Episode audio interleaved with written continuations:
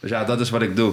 Ehm, het optimaliseren van het, van het menselijk lichaam en alles wat daarbij hoort. Het fysieke, het mentale, emotioneel, spiritueel. En je bent dat zelf gaan ontdekken op het moment dat bij jou eigenlijk ja, je droom stopte. Ja. Was dat profvoetballer worden? Of, Nou, ja, ik zeg altijd als ik, eh, als ik niet mijn kruisband had, ge, had geschud, was speelde ik nu bij natuurlijk Ajax. gelukt. Tuurlijk. ja. Ik ook als ik niet tennisser was geworden. Welkom bij deze miniserie van de Tennis the World podcast, waarin we ons focussen op het optimaliseren van onze leefstijl. In deze serie ga jij leren wat je kan doen naast de baan om beter te presteren op de baan. Veel luisterplezier en succes met het boeken van progressie. Zo, Luke, zitten we dan in Amsterdam. Maar daar kom je niet vandaan, heb ik begrepen. Achterhoek. Achterhoek. En ehm, wij hebben elkaar wel leren kennen voor, eh, eh, in onze studie. Of tenminste, ik heb jou een keer een presentatie zien geven waarvan ik dacht het is leuk om eigenlijk een soort van als verhaal mee te beginnen. En waarvoor ik ook dacht van tof om eh, elkaar te spreken in de podcast. En zeker om te kijken, ja, hoe kunnen mensen nou fysiek en mentaal sterker worden. Want wat was er? Nou, ik deed een ehm, ik deed honors traject. Die begon ik mee in het eerste jaar. Jij was denk ik derde of vierde jaar. Mijn derde jaar, ja. Ja, en eh ja, had een goede presentatie voorbereid. Ik zat eerste, eerste rang. En er gebeurde iets met die maat naast mij. en wij, wij, moesten echt zo lachen. Het had niets met jou te maken, maar we hadden gewoon zo de slappe lach. En, eh, en het werd alleen maar erger, omdat je mag niet lachen als iemand begint met een presentatie. En we voelden ons schuldig, want het heeft gewoon, denk, denk kwartier, 20 minuten had je een presentatie. En we hebben die hele tijd gewoon volgelachen. En eh, nou, toen dachten wij, we moeten echt naar Luke toe. We moeten sorry zeggen. Zei, ah, sorry man, eh, ik hoop niet dat je er last van had. Toen zei jij, nou, ik zag jullie wel. Maar ik dacht, ja, weet je, ik zie er gewoon goed uit. Ik heb me goed voorbereid. En eh, aan mij zal het wel niet liggen. Jullie hebben vast gewoon onderling eh, ja, iets meegemaakt waardoor je moet lachen. Hebben we allemaal wel.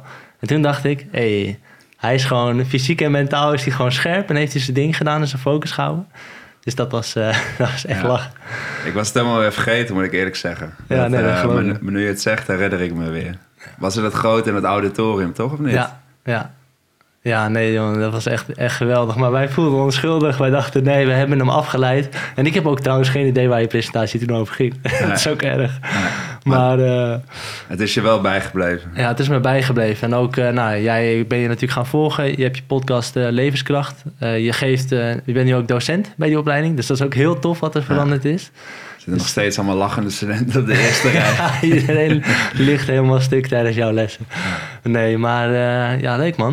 Ik ben benieuwd. En ehm, waar we vorig jaar elkaar spraken, toen ja, was je ook bezig veel met personal training. Nou, volgens mij heb ik net gehoord, dat doe je nog steeds. Ook de coaching. Eh, je bent veel dingen aan het doen, maar ook eh, zelf. eh, ja, ik zeg, wat ik ook probeer, practice what you preach. Ben je ook altijd dingen aan het optimaliseren voor jezelf. En hoe je scherp kan zijn, energie kan hebben in je dag. En ik heb er zin in om te ontdekken ja, wat mensen kunnen doen die hier naar luisteren. Zeker, ik heb er ook zin in. Mooi. Dan voor de mensen die jou niet kennen, ehm, ja, wie, hebben, we, wie heb ik voor me? Mijn naam is Luke, eh, 29 jaar. Ik denk dat ik tien jaar geleden vanuit de Achterhoek, wat je net al zei, naar Amsterdam ben gekomen. Om eh SMNO te gaan studeren, sportmanagement te ondernemen. Ehm, met een zwaar Achterhoeks accent kwam ik toen, eh, toen naar Amsterdam. Moeilijk verstaanbaar. toen ging ik, eh, kwam ik opeens in de Belmen te wonen. Dat ik dacht van ja, wat, eh, wat ga ik hier doen? Maar uiteindelijk ja, was dat, is dat een van de, van de beste keuzes geweest in mijn leven om naar, eh, naar Amsterdam te gaan. Heb vier jaar SMNO gedaan. En eh, tijdens mijn SMNO heb ik nog een pre-master bewegingswetenschappen gedaan. En daarna mijn master bewegingswetenschappen. Dus voor mij was het, was het fysieke en mentale optimalisatie, wat je net ook al zei, dat heeft me altijd al wel, eh, altijd al wel getrokken. Eerder toen ik naar Amsterdam kwam, toen voetbalde ik nog. eh, totdat ik twee keer mijn kruisband had afgescheurd in mijn knie. Waardoor ik helaas een droom moest opgeven wat op dat moment voetbal was. En door middel van mijn revalidatie ben ik toen eigenlijk heel erg geïnteresseerd geraakt in het menselijk lichaam. Ik moest veel krachttraining doen. En ik merkte dat, het, dat mijn lichaam sterker werd, maar daardoor ook de, de mind sterker. En daar wou ik eigenlijk alles over, eh, alles over te weten komen. Dus daarom, dat is een van de redenen dat ik toen SMNO ben gaan doen en later bewegingswetenschappen. Ja, en dat, dat, dat trainen, dat heeft me toen zo gegrepen. En dat, eh, dat heeft me eigenlijk nooit meer losgelaten. Dat vond ik zo mooi. Ik merkte dat ik lekker in mijn vel begon te zitten. Uh, mijn zelfvertrouwen nam toe. Uh, ja, ik ervaarde dus letterlijk meer levenskracht, wat je net ook al zei, de podcast die ik heb en, uh, en het seminar. Dat ik dacht van ja, dit, dit vind ik zo gaaf. Dit wil ik aan meer mensen overbrengen. Ik wil meer mensen uh, dit laten ervaren. Dus toen ben ik eigenlijk tijdens mijn SMNO ehm, ben ik mijn eigen bedrijf gestart. Daarin training gaan geven, coaching. Dus op die manier steeds met mijn eigen klantenbestand opgebouwd. En ehm, dat doe ik nog steeds. Mijn bedrijf staat dus nu, bestaat ongeveer 7 of 8 jaar. Um, eigen klantenbestand, verschillende. Ik, ik, zit voornamelijk bij mensen op de Zuidas. Dus veel ondernemers, mm maar ook atleten. Zo bijvoorbeeld wat ik laatst zei, uh, Badahari een tijdje mogen trainen. Ja, uh, tof. Vette ervaring. Um, dus ja, dat is wat ik doe. Um, het optimaliseren van het, van het menselijk lichaam en alles wat daarbij hoort. Het fysieke, het mentale, emotioneel, spiritueel. En je bent dat zelf gaan ontdekken op het moment dat bij jou eigenlijk ja, je droom stopte. Ja. Was dat profvoetballer worden? Of? Nou, ja, ik zeg altijd als ik, uh, als ik niet mijn kruisband had, ge, had geschud, was ik nu bij Ajax. Tuurlijk. ja. Ik ook, als ik niet tennis was geworden. Nee, nee, nee, precies, precies. Ja. ja, nou, dan zat ik nu niet hier. Dan uh, speelde ik af, afgelopen week tegen Liverpool. Ja. Maar, uh, hadden ze gewonnen. Hadden ze gewonnen, ja. legde ik het twee in. Nee, dat was toen wel, op dat moment was het wel echt een droom van mij. En het was, voetbal was wel echt gewoon mijn leven waar ik, uh, waar ik alles, in, uh, alles in kwijt kon. Ja, ik leefde gewoon toe naar de zaterdag. Ik, uh, ja, profvoetballen is misschien een, een, een, groot woord. Maar ik heb bijvoorbeeld wel tegen de Graafschap gespeeld. Nog tegen gescoord. Nou, ja, ja. Nou, want um, wie was Luke voor die tijd, zeg maar? Want het is natuurlijk daarna ben je, is het balletje gaan rollen om mentaal en fysiek ja, jezelf eigenlijk te ontdekken naar uh, optimalisatie daar op dat gebied. Ja. Wat deed je, wat is het verschil wat je nu doet en toen, qua misschien fysiek en mentaal?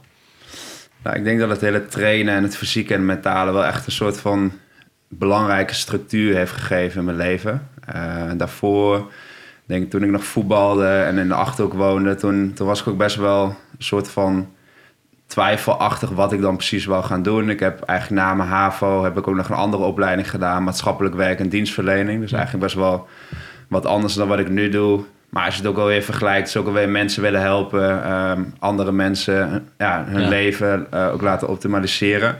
Maar ik was best wel een soort van twijfelaar van oké, okay, wat wil ik nou? En dat was voor mij niet helemaal duidelijk. Um, tot ik dus die kruisbandblessure kreeg en ging trainen. En eigenlijk dat hele trainen, dat zorgde eigenlijk voor een enorme houvast. Een soort van rode draad in mijn leven. En ik zag het trainen ook als een soort van... De dingen wat ik daar moest doen, dus ergens consistent mee bezig zijn. Het doel stellen voor mezelf. Um, het doen ook al heb ik er geen zin in. Dat dacht, toen dacht ik van, hey, eigenlijk de dingen wat ik hier doe...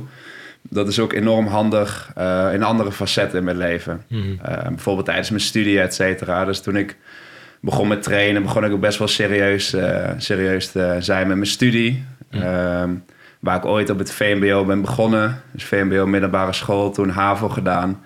Toen dus een HBO-opleiding, toen een pre-master en toen een master. Ja, dat de, de look die ooit op het VMBO zat, die had het nooit, die had het nooit kunnen realiseren. Ik zie, me, zie mezelf nog steeds bij de decaan zitten, dat ik uh, bijna van school werd gestuurd en... Uh, ja, dat, dat was nooit mogelijk geweest. Maar nee. ja, iets, iets triggerde om toen naar Amsterdam te gaan. En eigenlijk door middel van het trainen, maar ook wel andere uh, dingen... heeft wel echt voor mij gezorgd dat ik een soort van structuur in mijn leven had. En ook die, die discipline ja. om, om dus een doel te stellen en daarvoor te gaan. Ja, ja het bracht gewoon echt uh, je discipline, leerde je het, uh, ja, structuur... en dat is inderdaad bij de sportschool bijvoorbeeld vrij ja, simpel. Je, ook heb je geen zin, je gaat toch, ga je, dan zie je dat je stappen maakt. Maak je stappen, dan ben je benieuwd naar meer. En zo kan je dat ook meenemen naar uh, geschiedenis, bewijzen van heel simpel gezegd wat je ook had moeten leren. Leer ik het, begrijp ik het beter, doe ik de toets, haal ik een 7, doe ik het weer, haal ik misschien een 8. Dus ja, dat is super, uh, super mooi. Ja, ja en ik denk ook ik zag ook altijd een mooie metafoor om letterlijk met weerstand om te gaan. Ik bedoel, in de gym heb je natuurlijk de weerstand van, van gewichten. Uh, ja. Maar die weerstand, ja, die heb je ook in het leven nodig. Daar heb je ook, uh, moet je ook omgaan met, met, uh, met weerstand, met tegenslagen, et cetera. Ja. En dat je daar juist van leert en sterker van wordt. Ja, ja, ik las inderdaad waar weerstand zit, daar zit groei. Zeker. En um, nou, waar, wat, wat was voor jou um, eigenlijk want nu ben jij nou, docent ook bij uh, de HVA. ehm, heb je heel veel podcasten opgenomen met allemaal experts die eh, nou ook voor mijn idee altijd uh, weerstand voor zichzelf opzoeken of hebben meegemaakt, net zoals wat jij met voetbal had. Ehm, en daardoor ja, stappen zijn gaan maken. Wat was voor jou echt een, een stukje weerstand die je veel ervaren hebt, maar waar je heel veel ja, door gegroeid bent? Mm. Nou, ik denk dat we dat als mens zijn constant wel weerstand ervaren in, in de dingen wat we doen. En het is, het is voor mij voornamelijk de tegenslagen wat, wat in je leven, wat iedereen meemaakt. Het is voor mij niet de vraag van hey, of er tegenslagen gaan komen, maar wanneer ze mhm. komen. Ja. Dat, je, dat je jezelf eigenlijk een soort van voor kan bereiden op de tegenslagen die gaan komen in je leven. Ehm, en voor mij zorgt eigenlijk die, die vaste structuur waar ik het over had, dus uh, met trainen, goed eten, uh, mediteren, uh, koud, koud trainen, koude training, et cetera. Die structuur die zorgt eigenlijk voor mij heel goed ervoor dat ik, dat ik dus met die tegenslagen kan omgaan. Dat als er weerstand is, dat ik dan weet van oké, die weerstand die, die doet wat met me. Maar door middel van die structuur die ik heb, ik ben letterlijk sterk. Ik heb een, ik heb een sterk lichaam en daardoor een sterke geest, et cetera. Op die manier kan ik beter met die weerstand omgaan. Ja. Dus dat is voor mij wel een belangrijke reden ehm, waarom ik de dingen doe wat ik doe. Dus ook een beetje wat jij net zei, practice what you preach. Waar natuurlijk, als je als 18, 19-jarige jongen naar de sportschool gaat, ja, dan, dan ga je voor je dikke borstplaten en uh, dikke biceps naar de sportschool. Maar op een gegeven moment merk je van, het, het, het, het gaat om meer dan. Ja, het gaat eigenlijk ja. om veel meer dan dat. En nu nu boeit het me eigenlijk totaal niet hoe ik eruit zie. Ik, vind, ik doe het gewoon echt omdat ik me er goed bij voel. Ik voel me er lekker bij. Ik slaap er beter door. Ik heb meer energie. Uh, waardoor ik letterlijk de dingen kan doen wat ik belangrijk vind in het leven. Ja. Ja, en um, nou, vertaalslag natuurlijk naar... Heb je trouwens zelf uh, ik heb getennist? Ja, ja, ja, dat was wel een beetje die ik me afvroeg. Hoe ging dat je af? Ja, nou, het ging me wel goed af. Ik was okay. wel... Uh, ik ben natuurlijk lang, dus ik had wel echt lange armen, et cetera. Ik heb wel, dat was toen ook in mijn voetbalperiode, dat heb ik wel een tijdje getennist. Ik vond het echt super leuk om te doen. Nice. Volgens mij nog de Aaltes clubkampioenschappen getennis. Aalte, dat is dus waar ik vandaan oh, kom. En uh, ik, ik had toevallig, ik was laatst bij mijn ouders, ook nog, zag nog een beker staan van uh, Aaltes clubkampioen. Oh, nice. Oké, nee, dan mag je wel in de podcast. Ja, precies. Oké, oké, dan gaan we door. Ja. nee, want... Um, Kijk, ik kan even um, over weerstand gesproken en je gaat uh, koude training doen of je staat in de sportschool dan um, ja, je hebt weerstand, top. Dan kun je daar, en tegenslag gebeurt, je kan er beter mee omgaan.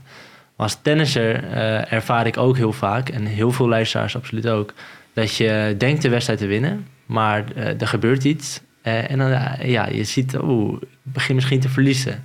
En is je reactie dan dat je heel pissig wordt, dat je opgeeft, of ga je juist, ja, kan je, kan je weerstand bieden? Dat is eigenlijk een hele mooie dan um, zeg jij fysiek en mentaal uh, sterk zijn is belangrijk. Maar waar begint dat? Begint dat bij dus uh, koude training? Um, begint dat bij fysiek trainen? Uh, zorg dat je sterk bent? Of ja, wat is jouw kijk daarop? Ja, ja mooie vraag. Ja, ik denk dat het allemaal begint bij het stemmetje in je hoofd. En dat, dat je daarmee leert omgaan. Dat is bijvoorbeeld een reden voor mij dat ik elke ochtend mijn dag begin met koude training. En ik moet wel zeggen, nu, misschien klink ik nu iemand van ja, die is bezig met koude training, et cetera. Maar ik mhm. vind het ook wel, dat zijn gewoon van mij dingen wat ik doe uh, waar ik heel goed op ga. En ik zeg niet per se dat iedereen dat moet doen. Mijn vriendin zegt ook altijd tegen mij: je moet ook niet een beetje vergeten te leven. Hè? Gewoon ook, uh, bedoel, ik rook mijn biertjes en mijn wijntje. Mm. En ik vind het heerlijk om naar een festival te gaan, et cetera. Grappig, die vriendin heb ik dus ook. Dat weet ik nog van vorig gesprek.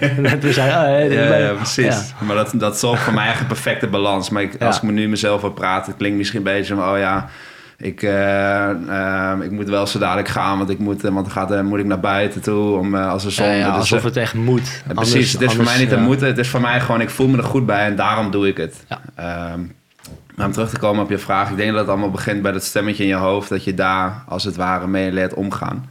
Um, en tennis is natuurlijk een sport dat je enorm veel van die momenten hebt. Ik bedoel, je speelt een punt, je hebt even een paar seconden, 10, 20 seconden, dat je constant weer...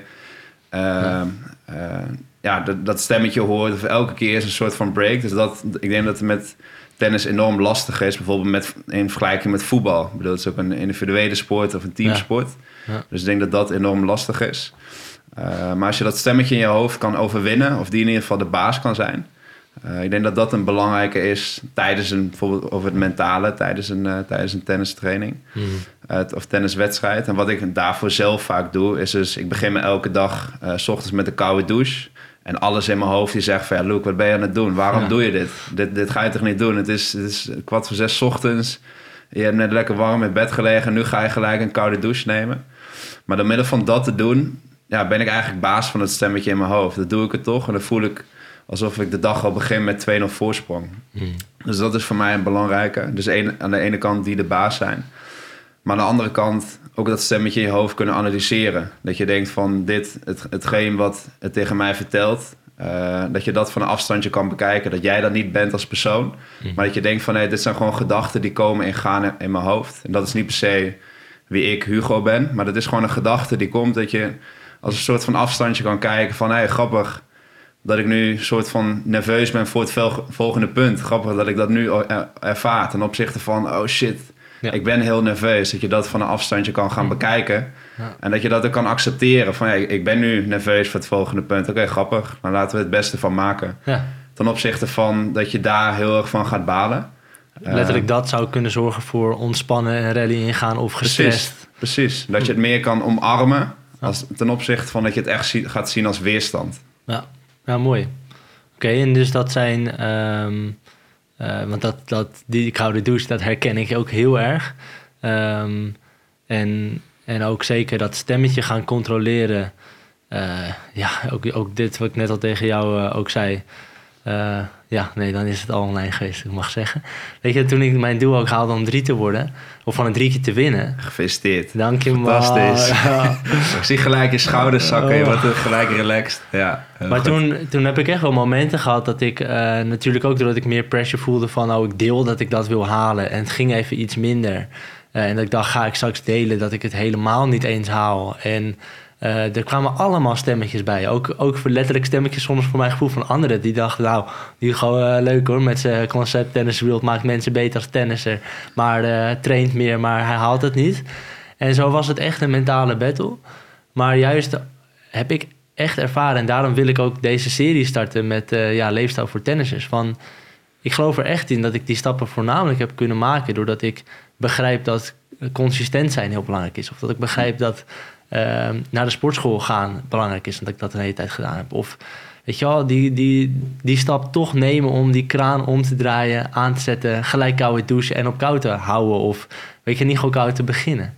En, ehm, maar ook eh, nou ja, Essex bijvoorbeeld ben ik mee gaan werken. En die zeggen sound, sound mind, sound body. Ehm, hoe...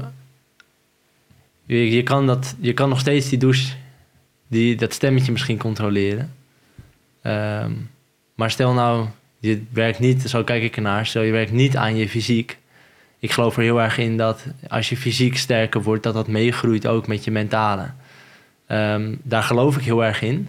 En ik ervaar het zelf. Maar ja, is dat zo? Eh, jij hebt heel veel mensen ook geïnterviewd die daar veel over weten. Je hebt het zelf veel ervaren en natuurlijk over geleerd. Kan je de mensen daar wat over vertellen, hoe dat werkt? Ja, nee, zeker. Ehm, en nog eerst terug te komen op hetgeen wat je net zei, van dat stemmetje in je hoofd. Wat ik ook wel een interessante opdracht vaak wat ik doe met, ehm, met mijn coachklanten dan. Dat is meer gespreksvoering één op één. Dus dat gaat niet over fysieke training. Maar dat heet een voice dialogue. Dat is een eh stemmendialoog. En wat je eh, eigenlijk doet, je, want je hebt het ook over het stemmetje in je hoofd. Maar eigenlijk waar die theorie op gebaseerd is, zijn dat eigenlijk je hebt een soort van grote bus, dus waar je rijdt. Ehm, en je hebt dus elke keer een stem. Je, er zitten allemaal verschillende stemmetjes in je, in je hoofd. En die, nu klinkt het als het dus het niet per se dat je eh, psychopaat bent of zo, maar het is. Maak me zorgen. Ja, precies. Er zijn verschillende eh, stemmetjes die op dat moment dominant zijn. Die je dus ook een naam kan gaan geven. Ja. Dus eh, wat ik bijvoorbeeld met, met coachklanten vaak doe, is om te kijken van... Hey, ik no- noem het nu stemmen, ik noem het zelf vaak overtuigingen. Dan klinkt het al iets, iets genuanceerder. Ja. Maar is om te kijken van hey, welke overtuiging is op dit moment dominant. Ehm, dus dat, dat kan heel erg verschillen, week bij week. Dat je denkt van, hey, bijvoorbeeld de criticus is nu, eh, die zit nu op mijn schouder. Of juist de, een, een speelse kind. Dat je denkt, hey, dit, de Hugo van vroeger, die Mm. komt nu echt naar voren. Dat doe, nou, dan word je een beetje speels, et cetera. Ehm, Dus de, maar bij de, bij de meeste mensen is criticus is heel erg, ehm, is heel erg dominant. Dus het is meer daarbij interessant te kijken van oké, een stemmetje in je hoofd. Maar oké, welke overtuiging is dan daarbij dominant? En welke overtuiging heb ik wellicht door de jaren heen een soort van weggestopt? Wat ik bijvoorbeeld bij mezelf heel erg merk, dat ik, wat ik ook zei van, oké, ik ben dan veel bezig met trainen, veel bezig met voeding, et cetera. Dat dat allemaal een soort van structuur heeft gegeven in mijn leven. Maar wat ik eigenlijk merk, dat ik eigenlijk ook over de afgelopen jaren het soort van het speelse kind look, gewoon die vroeger het leuk vond om buiten te spelen, gewoon gek te doen, weet je wel.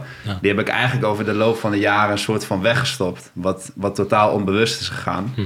Maar wat ik eigenlijk de afgelopen jaren een soort van heb ontdekt, van hey, eigenlijk vind ik het super jammer dat die, dat die er niet meer is. Hm. Dus dat is nu iemand die ik bewust weer naar voren probeer te halen.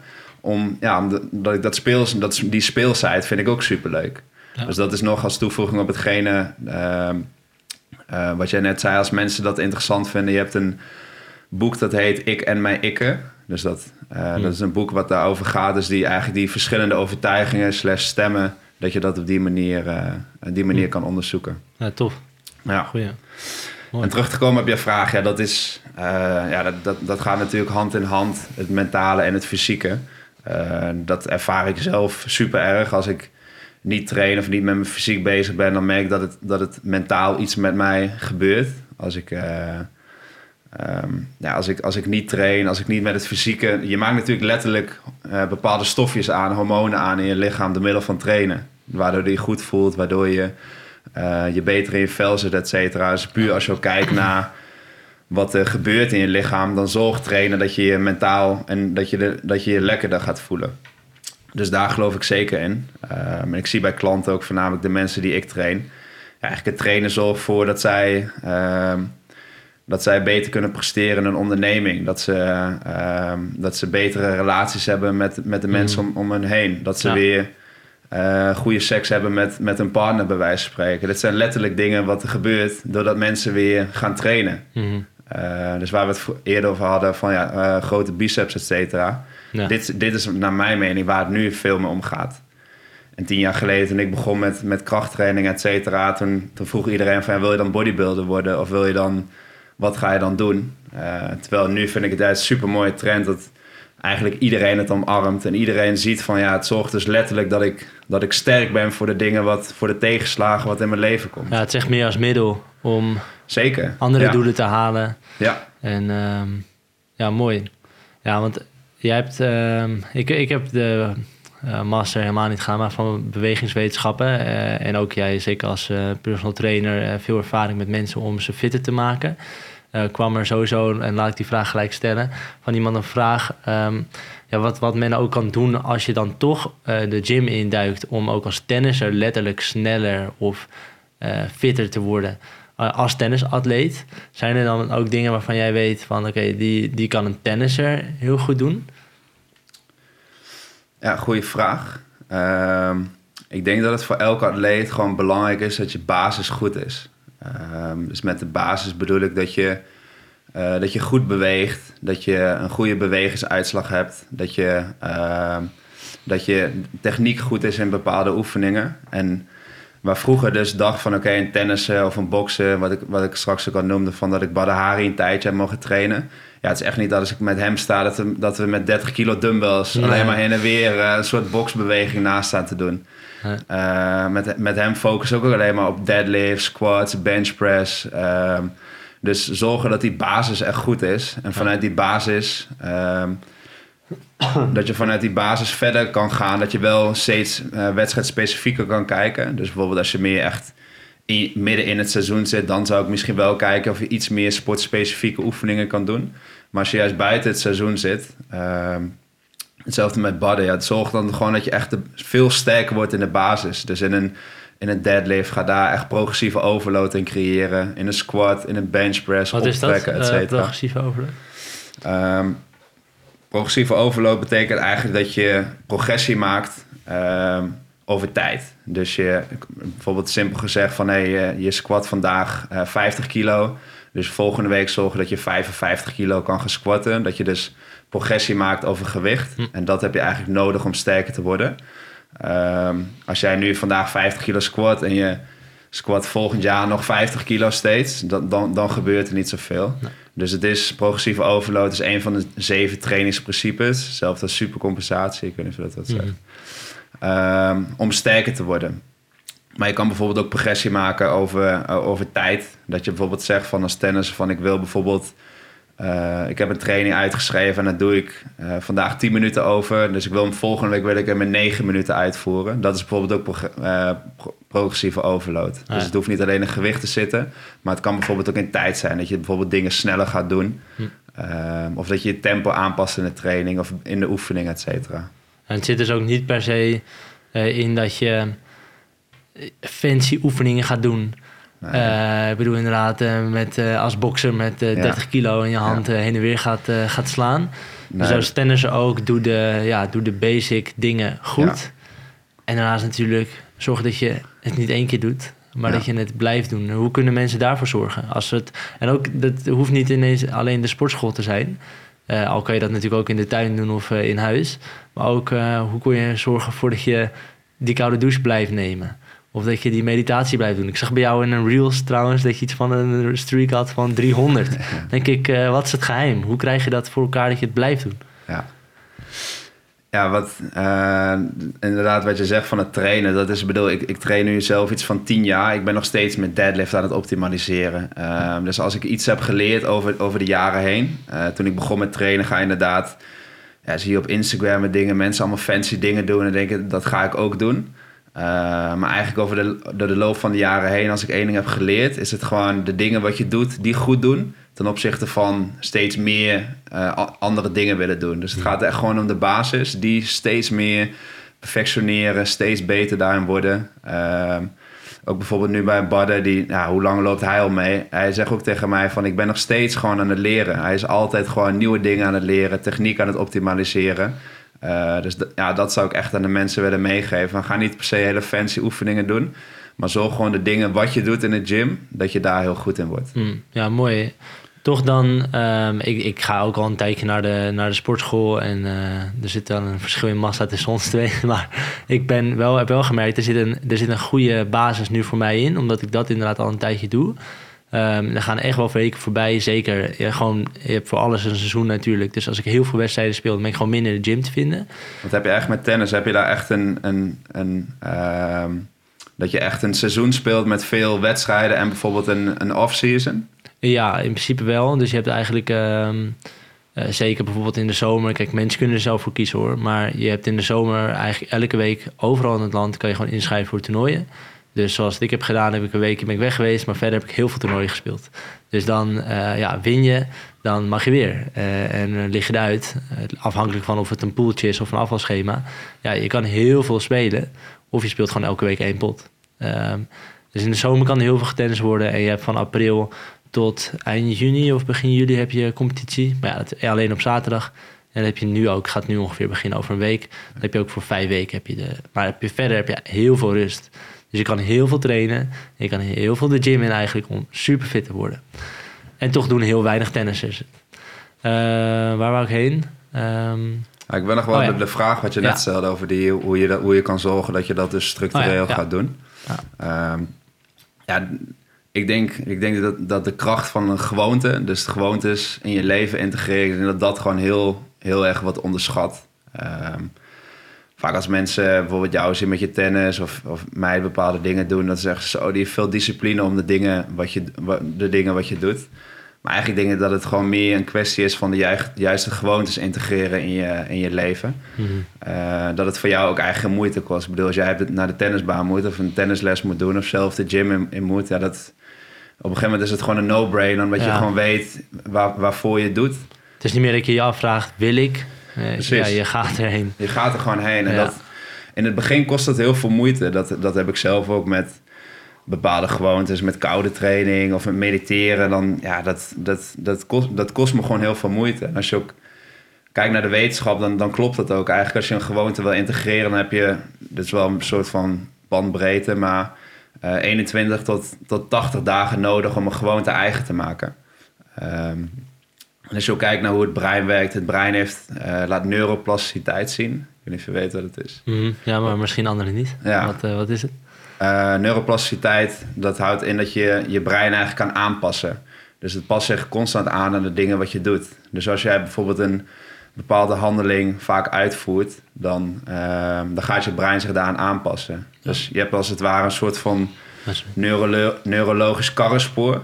Uh, en dan hoe vaker je een bepaalde handeling gaat doen, eigenlijk werkt het zelf met je telefoon. Dus dat wordt je ook een soort van je kent het wel van soms dan pak je je telefoon en denk je wat ging ik ook alweer doen. Maar dat is gewoon die karrenspoor zo sterk geworden. Um, dat, je, dat het een gewoonte is geworden. Dus je denkt er niet meer, denkt er niet meer eens over na, maar, maar, je, maar je doet het gewoon. Het moment dat je je mobiel besluit in je tas te laten en dan grijpt naar precies. niets. Ja, precies. of dat je gewoon standaard naar één app gaat en dat je denkt, hè, ik wou het gewoon naar een andere app. Maar dat is gewoon letterlijk dat, dat je dan... Dat, die, die, dat neurologisch karrenspoor is eigenlijk zo sterk geworden dat het gewoon helemaal hm. in je brein zit gebakken. Uh, en zo werkt het eigenlijk met gewoontes ook. Dat je een handeling zo vaak uitvoert. Dus je bent zo vaak gaan sporten of je bent zo vaak Ehm, eh, wat, ik, wat je zei met mediteren, dat, ik bedoel, ik heb nu een streak van 350 dagen of zo, dus ik zit bijna op een jaar. Uh, dat is voor mij, is dat, ja, dat, ik denk daar niet eens meer over na. Het zit gewoon zo erg ingebakken in mijn brein dat ik, ja, dat, dat, dat is voor mij gewoon een, een handeling dat, dat die neurologische karrenspoor, die verbinding in zijn brein is zo sterk van oké, mediteren, dat, ja, dat, dat, dat gaat automatisch. Maar dat uh, zie ik heel even als een, uh, als een één berg waar je over moet. Wat nog zwaar is om overheen te klimmen. Maar zodra je het gehaald hebt, dan, dan glij je eigenlijk naar beneden en is het makkelijker. Uh, en ik denk dat jij zit nu op het stukje dat het eigenlijk gewoon van zichzelf gaat. is het dan in het begin om het een gewoonte echt eigen te maken? Of dat een gewoonte wordt?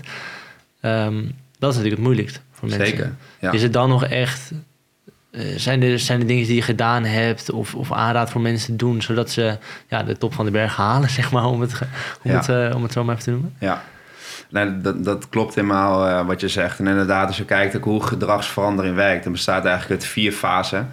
ja, je hebt er eigenlijk een soort van grafiek van. En ik probeer het even met me, in mijn hoofd te visualiseren, zodat de luisteraar ook. Maar je hebt dus de eerste fase is onbewust onbekwaam. Dus dat je eigenlijk niet hm. Uh, je, komt je bent eigenlijk nog niet bewust van dat je iets niet, niet kan of niet doet. Bijvoorbeeld als mensen nu luisteren en zeggen... oh ja, misschien koude training of ik uh, mediteer of dat soort dingen. Dat ze, daar waren ze niet bewust van dat ze dat nog niet konden. Door middel van als ze de podcast luisteren... Uh, worden ze bewust onbekwaam. Ze worden er bewust van dat ze eigenlijk iets niet, nog niet doen of niet kunnen. Hmm. Maar daardoor glij je eigenlijk naar beneden. Dus je glijdt iets... Als je een soort van baseline hebt, glij je iets naar beneden, dat grafiek. Want opeens wil je het dus, wil je het dus gaan doen. Ehm, om vervolgens bewust bekwaam te worden. Maar vaak in die fase glij je nog verder naar beneden op de grafiek. Omdat je dus, ja, het is lastig. Je gaat de weerstand ervaren waar, waar we het eerder over hadden. Uh, het, het wordt vervelend. Je denkt ook, waarom doe ik dit allemaal? Ja. Maar vervolgens, uh, als je het vaker en vaker gaat doen... Dan, ga je, dan klim je als het ware uit dat dal of die berg waar jij het over hebt. Maar iedereen gaat, die, gaat dat dal ervaren. En vervolgens klimmen eruit, ga je steeds meer succeservaring hebben. Dus als we bijvoorbeeld kijken naar trainen, je gaat je beter voelen, je ervaart meer zelfvertrouwen. Dus je gaat het herhalen, herhalen, herhalen. Dus je komt steeds verder uit het dal. Op een gegeven moment ga je dus ook over die baseline kom je heen, dat je over de berg heen bent. Waardoor het vervolgens een automatisme is geworden. Waardoor het dus een soort van onbewust bekwaam wordt. Dus je denkt er niet meer over na dat je het gaat doen. Ja, als je dat hebt gerealiseerd en het eerste moment dat je denkt van... hé, hey, ik... Uh, ik, ik, ga nu hardlopen of ik ga nu uh, dit, dit eten maken. En ik dacht er niet eens over na. Ja, dat is een fantastisch moment. Mm. Dat je weet van oké, ik, ik ben er doorheen gegaan. Het is een automatisme geworden. Maar, maar, hoe zorg je dat, dat je daar komt? Want ik, kijk, ik, kan, ik, ik hou niet van hardlopen bijvoorbeeld. Ik heb het wel een tijdje gedaan. Maar ja, voor mij was het uh, dat ik me wel... Welke fase zat ik dan? Dus ik vond het niet chill. Maar uh, ja, gewoon de weerstand was voor mij te groot. En ik vond ook niet echt dat het me genoeg bij, uh, bij hielp. En dus, maar stel nou dat ik het wel zou willen.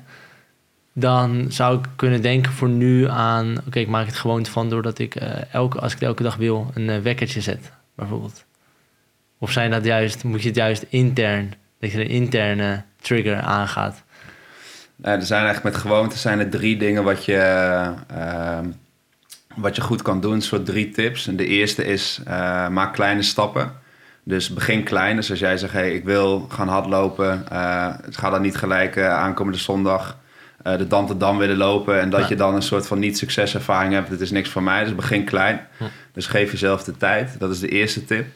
De tweede tip is verander je omgeving. Dus dat zou bijvoorbeeld dat wekkertje kunnen zijn. Ik heb bijvoorbeeld daar ligt een meditatiekussen uh, van mij. Dus dat is een soort van trigger van mij. dat meditatiekussen, dat ligt daar. Dus ik moet mediteren. Hm. Ehm, dus verander je omgeving. En als laatste tip is beloon jezelf. En dat uh, ja, niet als je dan thuis kan een kilometer hardlopen, dat je dan een reep chocola mag opeten of zo. Nee, uh, maar meer dat je wel een soort van jezelf beloont voor hetgene wat je, uh, wat je goed doet. Ja, ja, ja. Ja, precies. Dus als, als je nou het doel zou hebben om ja, toch aan je fysiek te werken, je, je basic fit pasje die ligt op tafel voor in, zodat je die ziet zodra je ja, wakker wordt. Er is een maatje waarmee je hebt afgesproken om erheen te gaan, zodat die ook op je wacht. En je koopt een nieuw tennisracket die je altijd al wilde als je twintig keer bent geweest. Precies, ja, precies. Ja. En als laatste denk ik dat het nog belangrijk is om toe te voegen van de why, waarom je dat doet. Waarom wil je het doen? Wat jij ook zegt over hardlopen, je vond het niet zo leuk en het draagt er niet echt bij aan het... Dat je dacht van ja, wat heb ik er eigenlijk wel iets aan? Ja, um, als die why, hetgeen waarom je iets doet, niet zo heel sterk is, dan ja, dan, dan, is het ook veel lastiger om vol te houden. Als mensen elke keer naar de sportschool willen en dat ze denken van ja, um, omdat iedereen het doet, ja, dan, dan geloof ik er niet zo in dat, dat dat een sterke motivatie is. Maar als mensen zeggen van um, bijvoorbeeld de why kan zijn. Ik hoorde toevallig van de week iemand tegen mij zeggen van mijn why is waarom ik naar de sportschool ga, omdat ik er voor mijn gezin wil zijn, omdat ik mm. zelf fysiek sterk moet zijn, omdat het uh, niet zo goed gaat met mijn moeder en ik moet kunnen zorgen dat, zij, dat ik haar uit bed kan tillen. Dat ik tegen hem zei van wauw, dit is wel, dit is echt een krachtige waar. En ik, ik, weet waarom jij hier elke dag om zeven uur bent. Ja. Uh, dus ik, ik, denk dat dat voor mensen belangrijk is om te weten van hey, waarom doe ik nou echt de dingen wat ik doe. Ja. Uh, en als je dat helder hebt in, in relatie met het doel wat je hebt, ja, ik denk dat dat een hele krachtige is om die, om die gewoontes te kunnen volhouden. Ja, ja 100 procent. En je zal niet iedereen natuurlijk zo'n uh, why hebben, hopelijk niet ook. Nee, maar, dat... um, maar voor, voor mij was het echt vorig jaar dat ik... Uh, vorig jaar had ik twee finales uit mijn hoofd had ik verloren. Terwijl ik echt dacht te kunnen winnen. En nou, je kan je voorstellen dat er dan veel weerstand ook echt... die stemmetjes in mijn hoofd waren. Die, die zei van, come on, je kan hiervan winnen. Maar ook van bij, na beide toernooien en bij de finales had ik zo ontiegelijk veel spierpijn... En uh, tijdens de wedstrijden ook ervaren dat ik dacht... jeetje, ik, ik hou dit gewoon... Hoe ga ik dit volhouden? Uh, ik moet nog een hele set. En, maar zeker daarna dat ik mijn lichaam eigenlijk een signaal gaf van... hey, je probeert nu op dit niveau te spelen... maar je kan dit eigenlijk niet... want je lichaam is gewoon echt aan het schreeuwen op dit moment. En toen heb ik gedacht... hey, ik verlies nu van jongens waar ik denk van te kunnen winnen... Uh, en mijn why werd om naar, bijvoorbeeld naar de sportschool te gaan, is dat ik dat vooral vervelend vond. Ik dacht, oh, ik kon hiervan winnen. En uh, nou ja, toen ben ik, heb ik echt motivatie gevonden om dat wel te doen. En ook zeker in gedachten van het is super waardevol om in de situatie, als je in een situatie ontstaat waar je voor iemand moet zorgen of wat dan ook, dat je gewoon fysiek sterk bent. Maar ik denk voor tennissers dat, dat, dat mensen dat veel niet, niet echt inzien. Dat je, hoe waardevol het is dat je gewoon geen blessures oploopt, bijvoorbeeld. Hoe zuur als je er vijf, zes maanden uitlicht door iets. Of al is het een maand. Kom aan, dat willen we niet. Dus uh, zeker. Uh, nice. Dat is, ja, trainen is daar gewoon een, uh, voornamelijk krachttraining is naar mijn mening daar gewoon een heel belangrijke, belangrijke basis voor om de, om de dingen te kunnen doen wat je, wat je gaat doen. Bijvoorbeeld zo heb ik een klant die, die was afgelopen weekend naar Italië geweest in de Dolomieten. Had iets van 100 eh, kilometer uh, in de bergen gefietst. Terwijl ze had, ze had bijna twee jaar niet meer op een wielrenfiets gezeten. Dat ze ook zei van... Dat ze dus vandaag tegen mij zei van... Ja, maar die, dat, dat krachttraining is gewoon zo'n belangrijke basis voor hetgeen wat ik doe. En ze wil nu, aankomende zondag wil ze dan de Dam te Dam gaan rennen. Terwijl ze eigenlijk nog niet heel veel heeft gerend. Maar ze is gewoon van overtuigd dat ze het kan. En dat is die krachttrainen. Dat is gewoon zo'n belangrijke basis voor, voor alles eigenlijk. Mm. dus je hebt een soort van, dat is de basis. En daar kan je allemaal uitstapjes maken. Uh, dus wielrennen, tennis, uh, hardlopen, et cetera. Maar het is eigenlijk een... je, hebt gewoon een sterk lichaam nodig. Ja, ja en um, Eh, vorige week heeft een 19-jarige jongen US Open gewonnen. Ehm, ik, ik, oké. volg, ik volgde dat, dat jij op het Instagram Ja, aan het delen was. Ik volgde niet Ja, de US toch. Open, maar door, Je volgde door ene Hugo kwam, kreeg ik ineens alles mee. Ja, ja, top. Mijn En, voorspelling eh, was goed, hè? Ja, ja, heel lachen. Ja. Ja, was top. Dat vond ik ook echt wel mooi. Maar hij, ehm, ja, 19 jaar, ongekend hoe fysiek sterk hij ook is. En, en ook mentaal. Ja, ja, dat is logisch.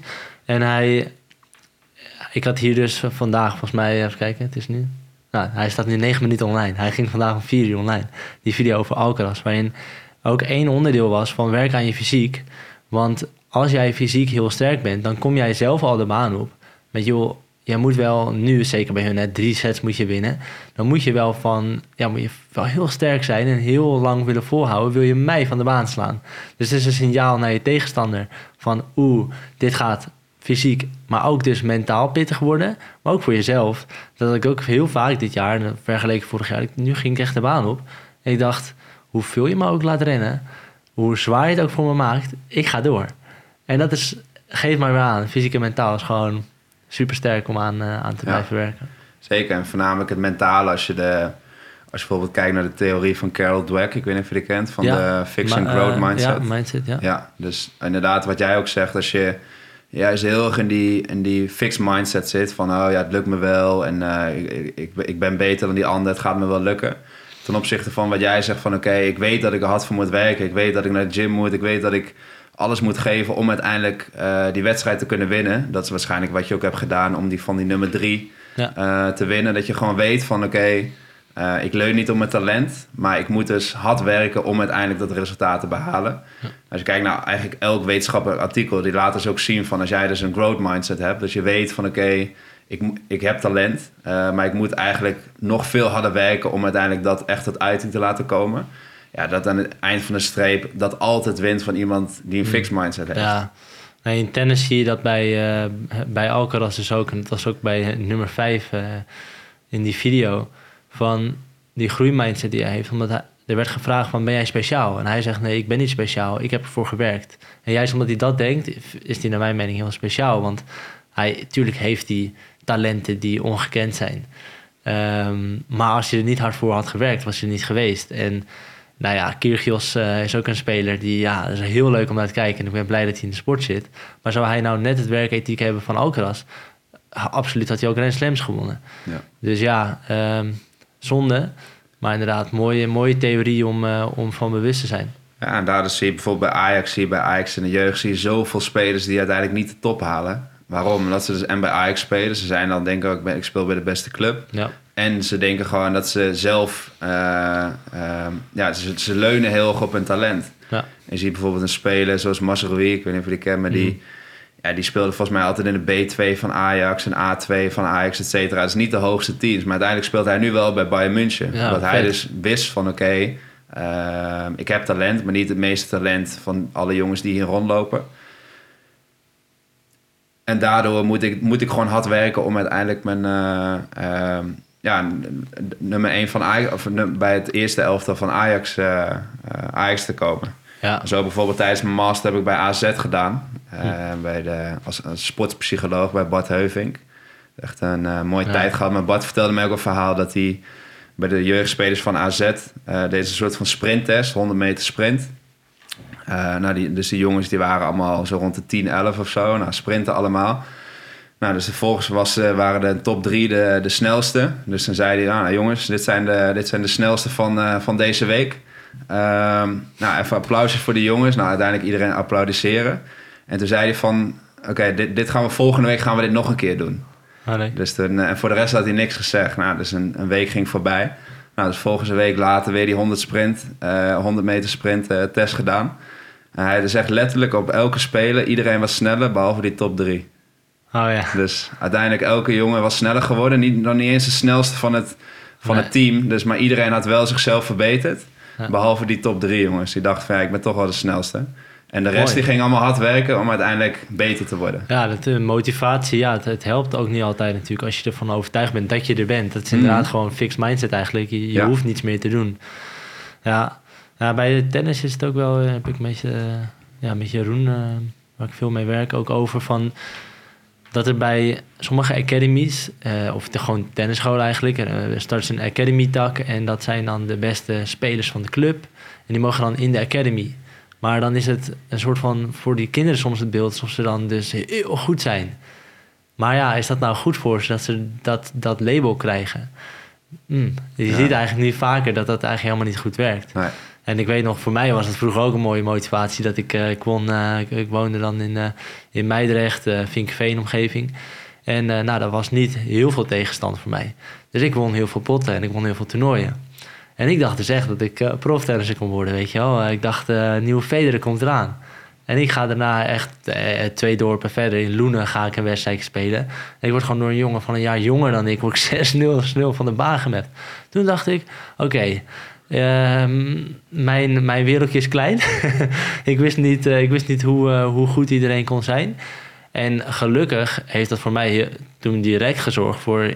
en dat werkt niet bij iedereen zo... Maar dat ik dacht, hé, hey, ik mag aan de bak, ik mag gaan werken.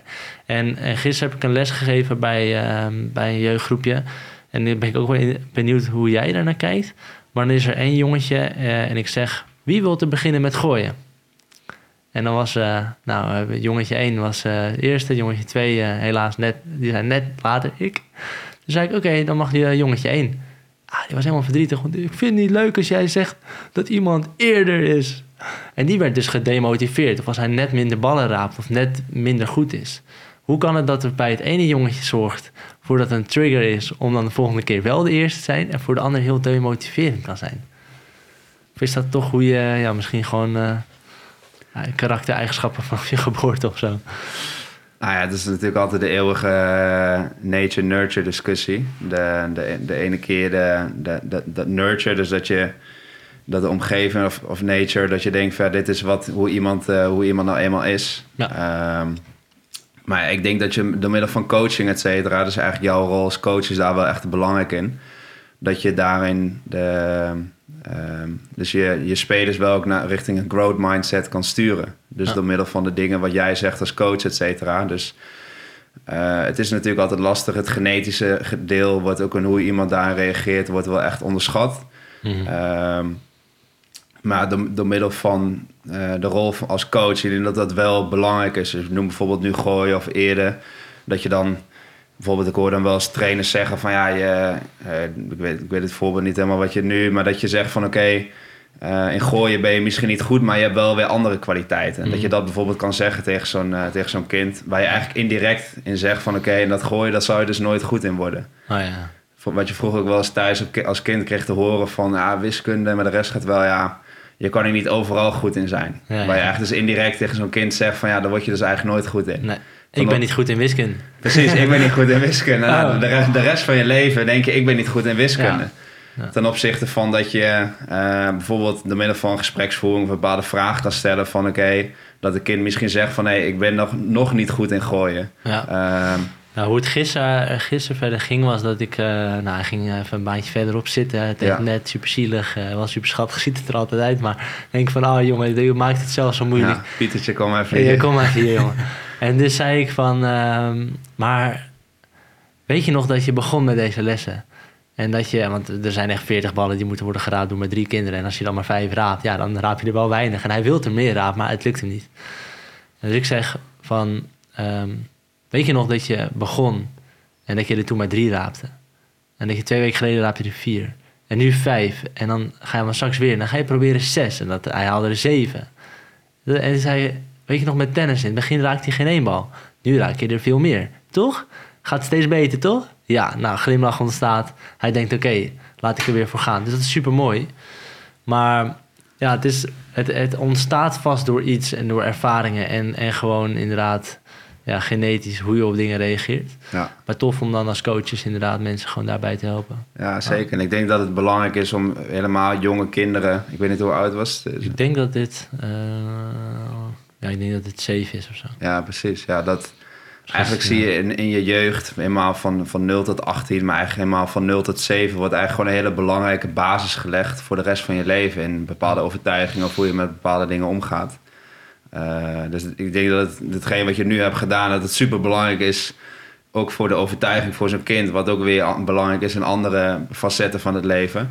ten opzichte van dat hij een- bijvoorbeeld een overtuiging krijgt van ja, ik ben, ik ben nooit snel genoeg of het, het zal me nooit lukken. Ten Mm. opzichte van dat hij nu de overtuiging heeft van het, misschien nu lukt het nog niet, maar ik ben volgende week ga ik net wat beter proberen te zijn dan, dan dat ik vandaag ben. Ja. ja, dat is soms wel pijnlijk om te zien. Ik zie het niet, niet heel veel hoor, maar je hebt natuurlijk of ouders van kids, of Ja. trainers van kids, of ook bij volwassenen, die zeggen: Ah, kom op nou man, of Ja. eh, Ja. doe nou eens je best, of eh, jeetje, hoe krijg je het voor elkaar? Weet je, dat soort opmerkingen. Doe nou eens je best. Is Doe nou eens je best, is al helemaal pijnlijk. Die is Ah, helemaal lekker. Doe nou eens je best. Ah, dit is pijn. Ja, ik, voel, nee. ik voel hem nu ook echt Ja. gewoon. Dat geweest kwam bij mij ook weer iets omhoog. ja.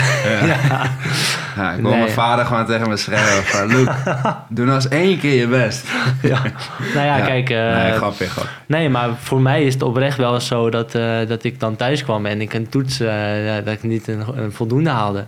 En dat mijn moeder ze echt super lief zei van, eh, wat vervelend en eh, nou wil je je best doen voor de volgende. En dat mijn vader dan echt zo kwam van, hoe kan dat nou? Hoe kan dat nou? En mijn moeder, Marcel, weet je wel, van, hij doet toch gewoon zijn best, dat weet je toch? Ja, maar hoe kan je nou eh, dit doen? En ik weet ook dat hij bedoelt het echt niet terug, maar dat is een soort van, ja, toch als kind inderdaad, dat ik echt altijd dacht, jemig pap, Ja. ah, dit helpt niet, dit helpt niet. Ja, Nou ja, wat ik daarbij eh, eh, bij klanten altijd probeer mee te geven, wat ik, wat ik, maar ook bijvoorbeeld in het seminar wat ik geef, eh, hebben we altijd het cirkel van identiteit. Ik weet niet of je dat kent. ehm, nee. Nou, in ieder geval, maar het is in ieder geval zo, je hebt verschillende lagen. Eh, de binnenste cirkel is de cirkel van zijn. Dat is eigenlijk hoe je wordt geboren als kind. Dat je, je hebt nog niet echt oordeel, je, je bent gewoon volledig in het moment. Ehm, en daarbuiten, een buitencirkel is je negatief geloof. Dat zijn eigenlijk je overtuigingen. En dat zijn eigenlijk de overtuigingen die ontstaan bijvoorbeeld doordat je vader zoiets tegen jou zegt of een trainer iets zegt. Ehm, en eigenlijk de, de, de diep gewortelde overtuiging die er altijd onder zit van ik ben niet goed zoals ik ben. Dus dat is Mm. als je een paar Ja. keer doorvraagt. Eh, daarbuiten komen bepaalde basisregels. Dus dat zijn basisregels die je zelf, jezelf oplegt. Ik ben niet goed zoals ik ben. Of ik ben niet, eh, ik ben niet de snelste. Dus dat je bijvoorbeeld een, een, een basisregel oplegt. Ehm, ik, ik, ik, moet, eh, ik moet altijd de snelste zijn. Dat kan bijvoorbeeld een, een basisregel. Dat je juist heel Hmm. erg wat je eigenlijk wat eh, Nooit uit die lukt, overtuiging, ja, Ja. precies, wat uit die, uit die overtuiging komt. Buiten cirkel daarom zijn bepaalde patronen die je laat zien. Vaak onbewust. Dat je bijvoorbeeld heel hard gaat werken. Het zou bijvoorbeeld zijn dat het jongetje nu, als je die over 20 jaar treft, dat hij super hard aan het werken Ah, is. Want ja. hij weet, ik moet altijd de snelste zijn of ik moet altijd maximaal geven. Want anders dan ben ik niet goed genoeg. Ja. Eh, en het laatste cirkel is je imago. En dat is eigenlijk wat je laat zien dan naar de buitenwereld. Hm. Dus ik zeg maar wat, als wij bijvoorbeeld het jongetje over 20 jaar tegenkomen, het zou het zomaar inderdaad kunnen zijn dat hij bij een of ander advocatenkantoor op de Zuidas echt maximaal aan het rammen is. En dat, dat, dat mensen vragen, hoezo, hoezo doe je dat nu? Eh, dat, dat als je dat gaat onderzoeken, dat er best wel eens een overtuiging kan, onder kan zitten van ik moet altijd maximaal geven. Nou, dat Want- hij daar is door mijn Precies, opmerkingen. want als ik niet maximaal geef, dan haal ik niet genoeg ballen. Dus als Ja. ik niet maximaal geef, dan ben ik niet goed genoeg. Ja. En dat, dit is dan een, een simpel voorbeeld voor tennis. Maar dit vind ik altijd wel heel interessant om met mensen te onderzoeken. Van oké, wat zit er nou volledig in je onderbewustzijn? Welke overtuigingen zitten daar die je vandaag de dag nog steeds laat zien? Hmm. Zo had ik bijvoorbeeld ook een klant die, die dit ook bij mij wil onderzoeken. En die, ja, die, die was altijd in de gym, was hij echt maximaal aan het gaan. Altijd, nou, Luke, moet zwaarder, moet zwaarder. Blessures en dat soort dingen. Dat ik tegen hem Mm. zei van, nee, dit, Ja. dit, dit moet niet. We gaan gewoon meer focussen op ontspanning ten opzichte van inspannen. En toen ehm, ben ik dus met hem gaan, over, eh, gaan onderzoeken van... Hey, waar komt het nou vandaan dat je altijd maximaal moet geven? Ook een burn-out gehad, et cetera. Dus het kwam in verschillende eh, eh, onderdelen van zijn leven kwam het terug. Tot we dus op een gesprek kwamen van... ehm, dat hij inderdaad thuis kwam van een, van een wiskunde-examen. En dat hij toen tegen zijn moeder zei van... Ja, mam, ik, heb een, ik heb een 9 gehaald voor mijn wiskunde-examen. Waarop zijn moeder zei... Ja, maar dat is niet de maximale, hè?" Hmm. Dus zo toen- trots op zijn negen. en ja, zo trots ja. op zijn negen. En, en daar is bij hem dus het soort van de overtuiging ontstaan van... als ik dus niet het maximale haal... dus als ik niet het maximale in de gym, maximaal in mijn werk, maximaal... dan ben ik niet goed genoeg. Dus ik moet overal, alles wat ik doe... moet ik het maximale geven. Ja. Waar dus als resultaat geeft een burn-out, eh, Ja, blessures, precies, et want het kan cetera. altijd beter. Het kan altijd beter. Ja, ja. Ja, lastig wel inderdaad. Maar ik denk ook inderdaad, als je dan dus dat gesprek niet zou hebben en je zou tegen zo iemand zeggen van hé, hey, in plaats van inspanning gaan we ontspannen. Ja. En je gaat focussen op ga ontspannen, dan zou die gaan ontspannen en zich afvragen. En, en dat ook niet vol kunnen houden. Dan zou het geen gewoonte worden, want dat zit niet, Ja, daar maar- is nog niet aan gewerkt. Precies, maar dan, dan komen we terug op die waarom. Dus waarom Ja. doe je de dingen wat je doet? Waarom moet je dan maximaal geven? Wat, wat is daarbij het doel? Ja. Ja, weet ik eigenlijk niet. Nee, oké, waar- waar- waarom wil je dan ontspannen? Ja, omdat ik dan weer minder blessures heb, beter in mijn vel zit, et cetera. Ja. Dus dat, dat is voor hem dan nu de why van oké, eh, ik focus me meer op het ontspannen. Omdat ik dan beter in mijn vel zit, heb ik minder blessures, et cetera. Dus in dat opzicht is die, is die why voor hem dan wel nu duidelijk.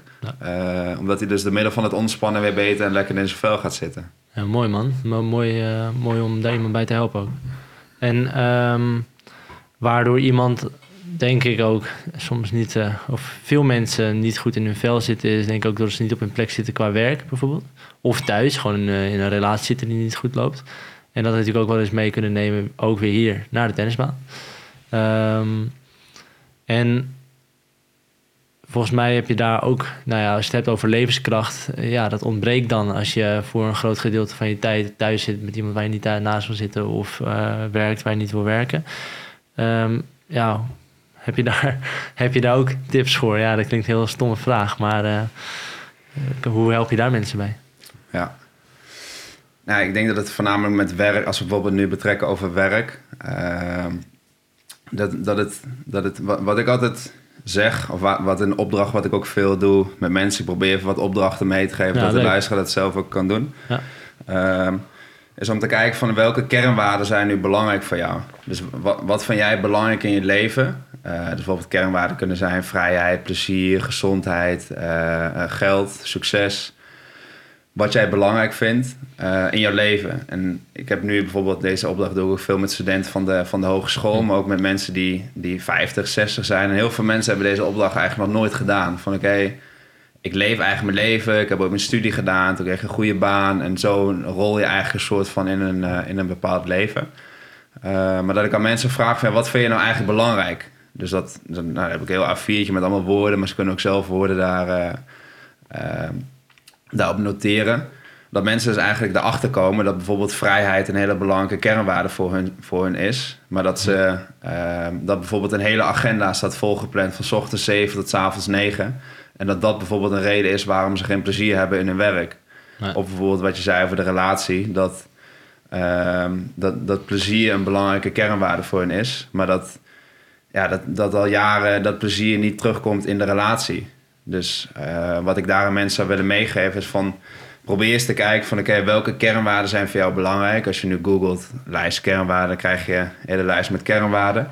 Om te kijken, ehm, als je die lijst hebt, dus je maakt eerst een top 10. Die top 10 breng je terug tot de top 5, die breng je terug tot de top 3. Ehm, en als je dan kijkt van oké, die top 3. Als je dan nu eens kijkt naar je afgelopen week, hoe, hoe uitzicht dan in de dingen wat je doet? Is bijvoorbeeld een gezondheid een hele belangrijke kernwaarde voor jou, maar staat eigenlijk trainen er niet in? Gezond heb je eigenlijk niet echt tijd om je eh, maaltijden voor te bereiden of überhaupt te koken? Eh, ga je gestrest, geslapen, et cetera? Dus ik denk dat dat wel een belangrijke is om eerst te weten wat is belangrijk voor jou. En dat je dan gaat kijken van oké, komt dit terug in mijn werk of komt dit terug in mijn relatie? Ja, ja mooi denk ik. Ik zit zelf, eh, ik vroeg dit natuurlijk voor mezelf, nee, Ja. qua werk. Moet, moet het even hebben over je relatie, eh, Hugo.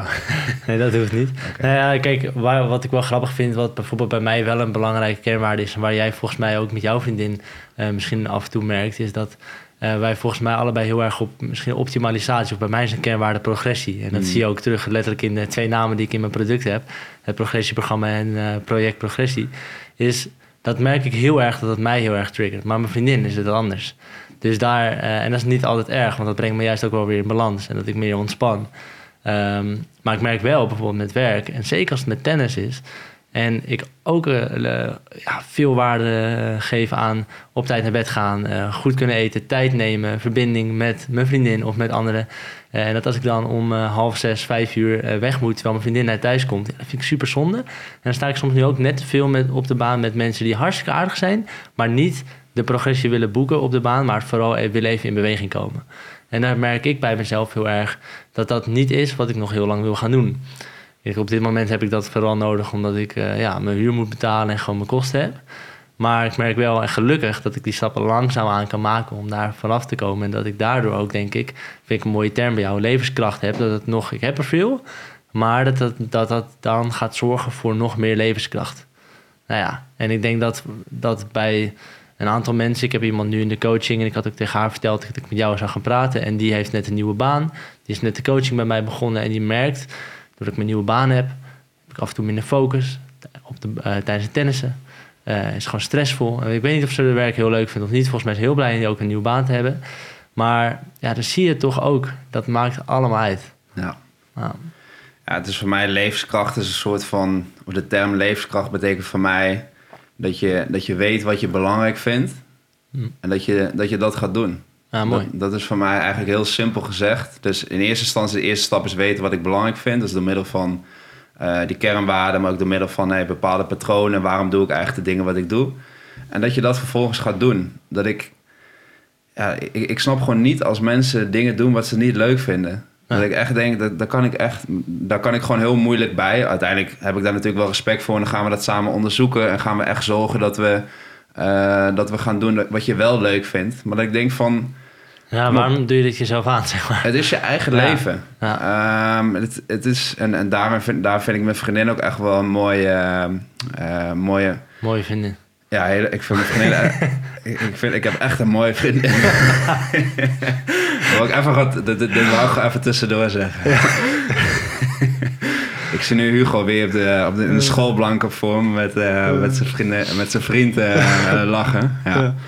Nee, maar... Um, mijn vriendin is daar wel echt een mooie spiegel uh, voor mij. Omdat zij gewoon best wel dingen in haar leven heeft meegemaakt. Wat, wat gewoon wel echt heftig is. Dat, uh, ik bedoel, we niet, niet te dramatisch te maken, deze podcast. Maar dat, dat, dat, dat zij haar zus is verloren uh, van de een op de andere dag in Amsterdam. Die hier is aangereden op slag dood. Hmm. Als ik dat soort verhalen, ik krijg er nu weer kippenvel van. Maar als ik dat soort verhalen hoor, dan denk ik van...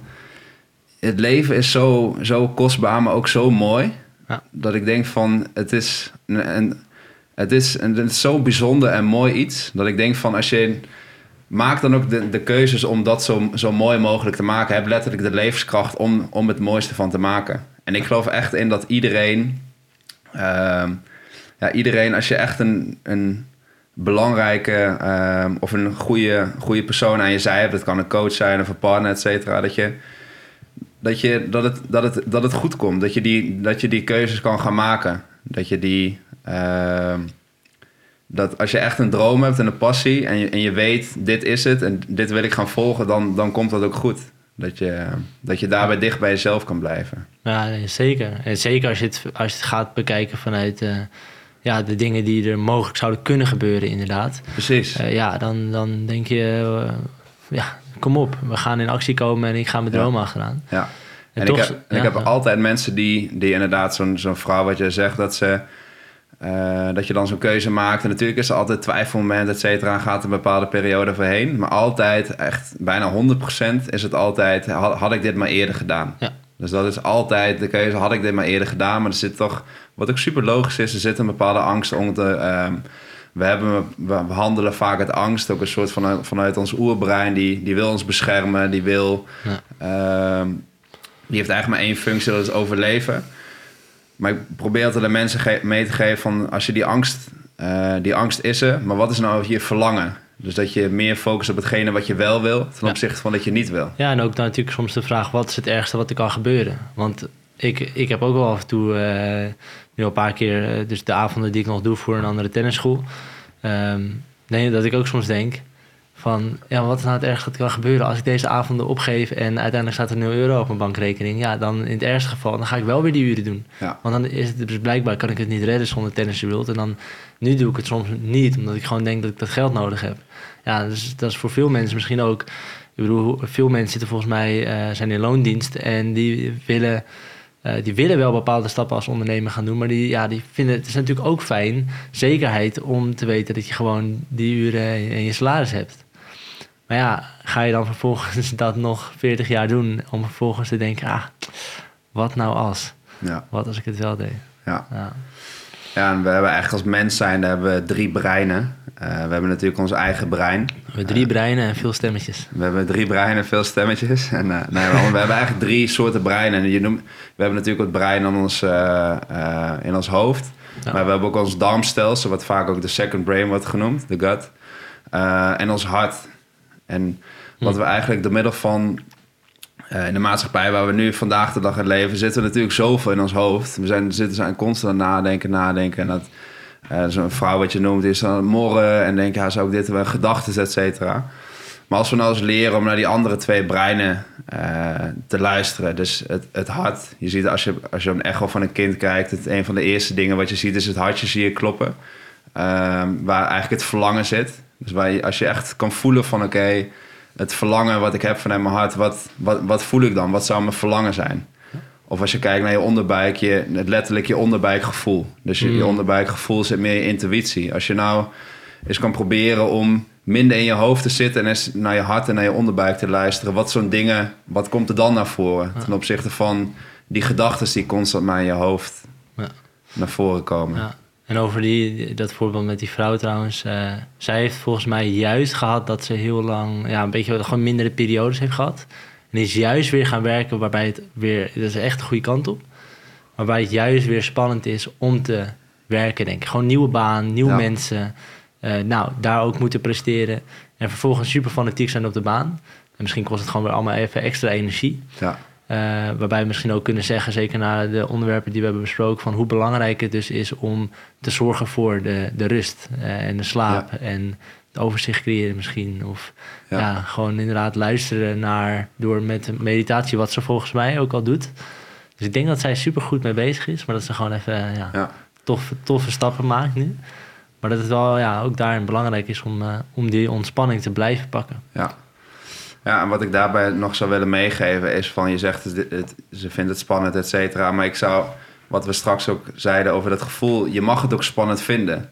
Mhm. En als je dat kan omarmen, dat het ook spannend mag zijn... Ik bedoel, ja, ik vind ook dingen als ik vaak voor de eerste keer dingen doe... of een nieuwe omgeving, et cetera... Dat, dat, dat mag ook spannend zijn. Ten opzichte van dat je die, die spanning weer ziet als een soort weerstand van... oeh, ik voel spanning in mijn lijf, et cetera. Het, het mag ook spannend zijn. Ja, ja.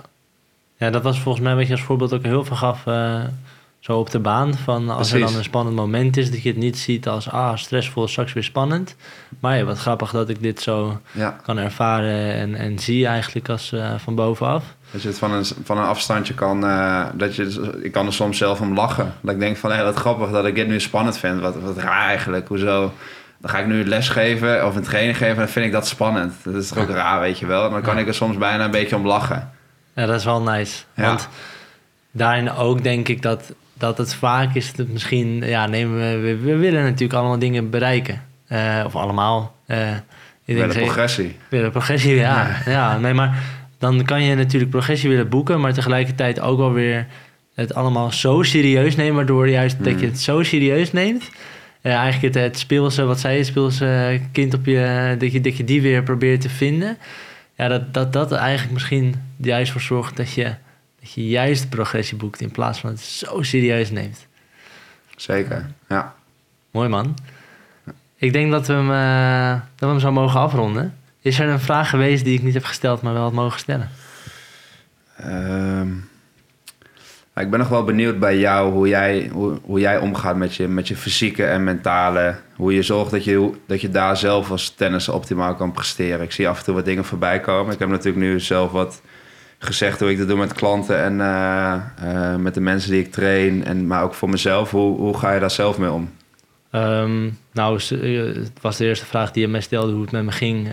Nou, gaat op zich gaat het goed, maar nu merk ik ook dat ik daar uh, ja, dat, dat, dat de afgelopen periode pittig was geweest. En dat ik ook wel echt denk van jeetje. Uh, dus soms lijkt het misschien voor mensen op Instagram alsof ik dat altijd in balans zou hebben. Maar dat is helemaal niet, uh, helemaal niet zo. Dus altijd zoeken. Maar wat ik, wat ik bijvoorbeeld doe is, ehm, al een tijdje ook heb, is een, bijvoorbeeld voor slapen. Is in plaats van dat al heel veel mensen natuurlijk een wekker hebben om uit bed te gaan, heb ik een wekker van, yo, het is tijd om je klaar te maken om te gaan slapen. Um, iets wat ik ook al heel lang doe en nu eigenlijk een heel fijn systeem uh, heb, waar ik eigenlijk van alles in bijhoud, ook waar deze vragen voor de podcast in uh, staan, is, uh, is, een app Notion. En dan maak ik een, een planning voor mijn dag. die maak ik de dag van tevoren.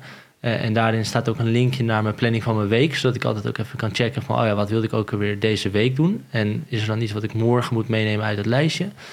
Ehm, verder heb ik ook wel routines... eh, zoals elke ochtend eh, een koude douche...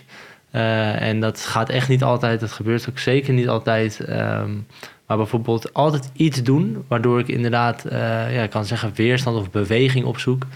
Dus dat zou ook yoga kunnen zijn, zou koude douche kunnen zijn, zou een wandeling kunnen zijn, of het is eh, een training die ik gelijk in de ochtend heb. Ehm, ja, en verder zou ik vooral zelf, als ik dan moet kijken naar wat ik meer mag doen, echt ga- gaan kijken naar wanneer geef ik mezelf dan ook echte rust. Dus dan is het wel, oké, ik word wakker, ik ga koude douche, ga naar de training, eh, ga werken aan Tennis World, ga in de avond nog lesgeven. En dan is het wekkertje gaat om naar bed te gaan, dus dat is eigenlijk ook weer een actie om te doen. En wanneer zorg ik ervoor dat ik echt even helemaal niets doe? Als ik dagen pak, zoals vorige week en op dinsdag, dan heb ik echt een, even een lekkere wandeling. Had ik mijn dag zo gepland dat ik niet alle afspraken of dingen die ik wil doen achter elkaar had, maar ruimte voor niets. Nou, dan pak ik even een wandeling. En als dat lukt, dan heb ik eigenlijk supergoeie productieve dagen. Maar ik denk dat bij mij eigenlijk, vooral waar ik altijd al wel goed in ben geweest, is echt die planning. Wat wil ik deze week doen? Wanneer ga ik het doen? Zet ik het in mijn agenda? En niet vergeten dus om ontspanning eigenlijk daarin te zetten. Ja. ja, zeker. Het gaat allemaal om die balans tussen inspanning en ontspanning. Ik denk dat voor jou, hoe ik jou ken, dat juist die, die inspanning, dat komt wel goed. Dat, dat, dat zit wel goed. Maar hoe ga je juist zorgen dat je, dat je gaat ontspannen?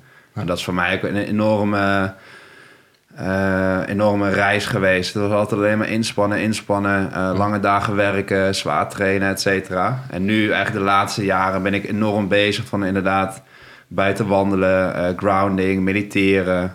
Dat soort dingen zijn eigenlijk allemaal van mij wat, wat zorgt dat ik juist meer op die ontspanning zit, zodat ik ook weer beter kan inspannen. Mooi. Ehm, En als er dan één ding zou zijn waarbij je zegt, jongens, als jullie nou één ding gaan doen naast de baan, voor progressie er op de baan uiteindelijk, wat zou het dan zijn? Ja, ik, denk, ik geloof heel erg in een ochtend- en avondritueel. Dat is voor mij echt een no-brainer. Ehm, en als ik kijk naar mijn eigen ochtend- of avondritueel... dat is niet per se iets wat, een, wat ik denk van... Oh, dat, dat moet je dan gaan doen. Maar ga eens gewoon ervaren waar jij zelf goed op gaat. Ik heb bijvoorbeeld ook zo'n aura ring, ik weet niet of je dat kent. Ja. Eh, maar die geeft bijvoorbeeld mijn, heart rate en een, eh, een readiness score elke dag, een HFV. Maar ik heb gewoon de afgelopen jaren heb ik gekeken van hey, wat zijn nou echt dingen waar ik goed op ga. En dat is bijvoorbeeld na acht uur s'avonds niet meer op mijn telefoon zitten. Eigenlijk om zeven uur al niet meer. Dan zet ik mijn telefoon in vliegtuigmodus. Want anders gebeurt er nog zoveel om me heen. Eh, dus dat is iets wat ik dan doe. Telefoon in vliegtuigmodus. Eh, maar hetzelfde, s ochtends begin ik elke dag met een meditatie. Om eens te kijken van, hey, hoe voelt mijn lichaam? En dat, dat, dat te analyseren. Dus op die manier begin ik mijn dag al zo goed. En sluit ik mijn dag goed af. Dus als ik iets zou willen meegeven wat je buiten de baan kan doen... eh, ja, probeer echt te zorgen voor een eigen ochtendritueel. Waar ga je goed op? Dat kan zijn buiten met de hond wandelen. Dat kan zijn een boek lezen. Dat kan zijn even gitaar spelen. Maar gewoon iets wat jij belangrijk vindt. Waar jij goed op gaat. Dat je denkt van zo kan ik de dag beginnen. Eh, niet dat je gelijk 's ochtends je wekker gaat en denkt... oh shit, ik moet dit en dit. Ik moet gelijk opstaan, want ik moet daar eh, zo laat zijn. Maar begin eens met wat dingen waar jij goed op gaat. En dat kan blokfluit spelen. Dat kan zijn eh, tekenen. Wat je denkt van oké, dit moment is eerst voor mezelf. Ja. En daarna ga ik de dag beginnen. En hetzelfde met de dag afsluiten. Dat, dat is weer echt een moment voor jezelf. Ehm, Ja. dingen waar jij goed op gaat. Voor mij is dat bijvoorbeeld buiten even wandelen. Met mijn voeten in het gras staan. Een boek lezen. Ehm, nog even een goed gesprek met Tessel hebben. Dat hebben we daarvoor ook wel. Nou ja, En, alleen dan. Ja, nee, dan, eh, ja, nou, we gaan alleen tussen half negen en kwart voor negen. Dan hebben we een goed gesprek. Nou, dus dan merk ik van... Hoog tijd. Ja, precies, ja. Het is kwart voor negen. We moeten nu weer mediteren. Nee, maar dat... ehm, Nee, ehm, dat ook. En dat ook natuurlijk weer ja, speels houden. Precies, Eh, precies. ja. En het, het is precies wat jij zegt. Nu, ik, ik maak ook echt fouten. En ik heb ook echt dagen dat ik dacht van... Nou, het- het- vandaag was het echt gewoon... Lukt het echt totaal vergemeten, weet je wel. Dan... eh, En dat mag niet- ook dan. Dat mag ook, weet je. Ja. Ik zou niet lekker in mijn vel. eh, ik heb eigenlijk niet gelezen, mediteren. Oh ja, shit, dat moet ik ook nog doen. Training ging eigenlijk niet goed, weet je wel. Ja, dat soort dagen heb ik ook. It's all good. Ik bedoel, iedereen die heeft dat. Ehm, maar het is juist de kunst dat je dan de volgende dag weer wakker wordt. Je denkt van, oké, yes. Vandaag gaan we niet vier ballen oppakken, maar gaan we vijf ballen oppakken. Nice, lekker man. Top. Hey, thanks jongen. En eh, ik hoop dat jullie ervan genoten hebben. En als mensen nou meer van jou uh, kunnen opzoeken, waar mogen ze dan zijn? Um, Luc Michelbrink op Instagram. Dus dat is uh, met Michelbrink met M-I-G-C-H. En ik heb een eigen podcast, Levenskracht. Superleuk. Zeker. Ik, ja, ik doe dus ook een seminar Levenskracht. De volgende is zondag 13 november. Uh, en mensen kunnen kijken www.levenskracht.nl, zien ze alle informatie en kunnen ze inschrijven. Dus uh, wie weet tot daar. Be there. Yes. Lekker. Thanks Hugo. Ga gaan jongen. Bedankt voor het luisteren naar deze aflevering van de Dennis the World podcast. Heeft deze podcast jou geholpen? Dan hoop ik dat jij ons ook kan helpen naar meer luisteraars. Deel deze podcast in jouw Instagram. Wij gaan jou reposten. Wij gaan een connectie met jou leggen. Um, en als jij ons nog meer wil helpen, schrijf dan even een review op Google over wat je van Tennis World vindt. Of schrijf een review op de Apple app. Uh, en dan zijn wij onwijs blij. Dus bedankt voor het luisteren en tot de volgende keer. Müzik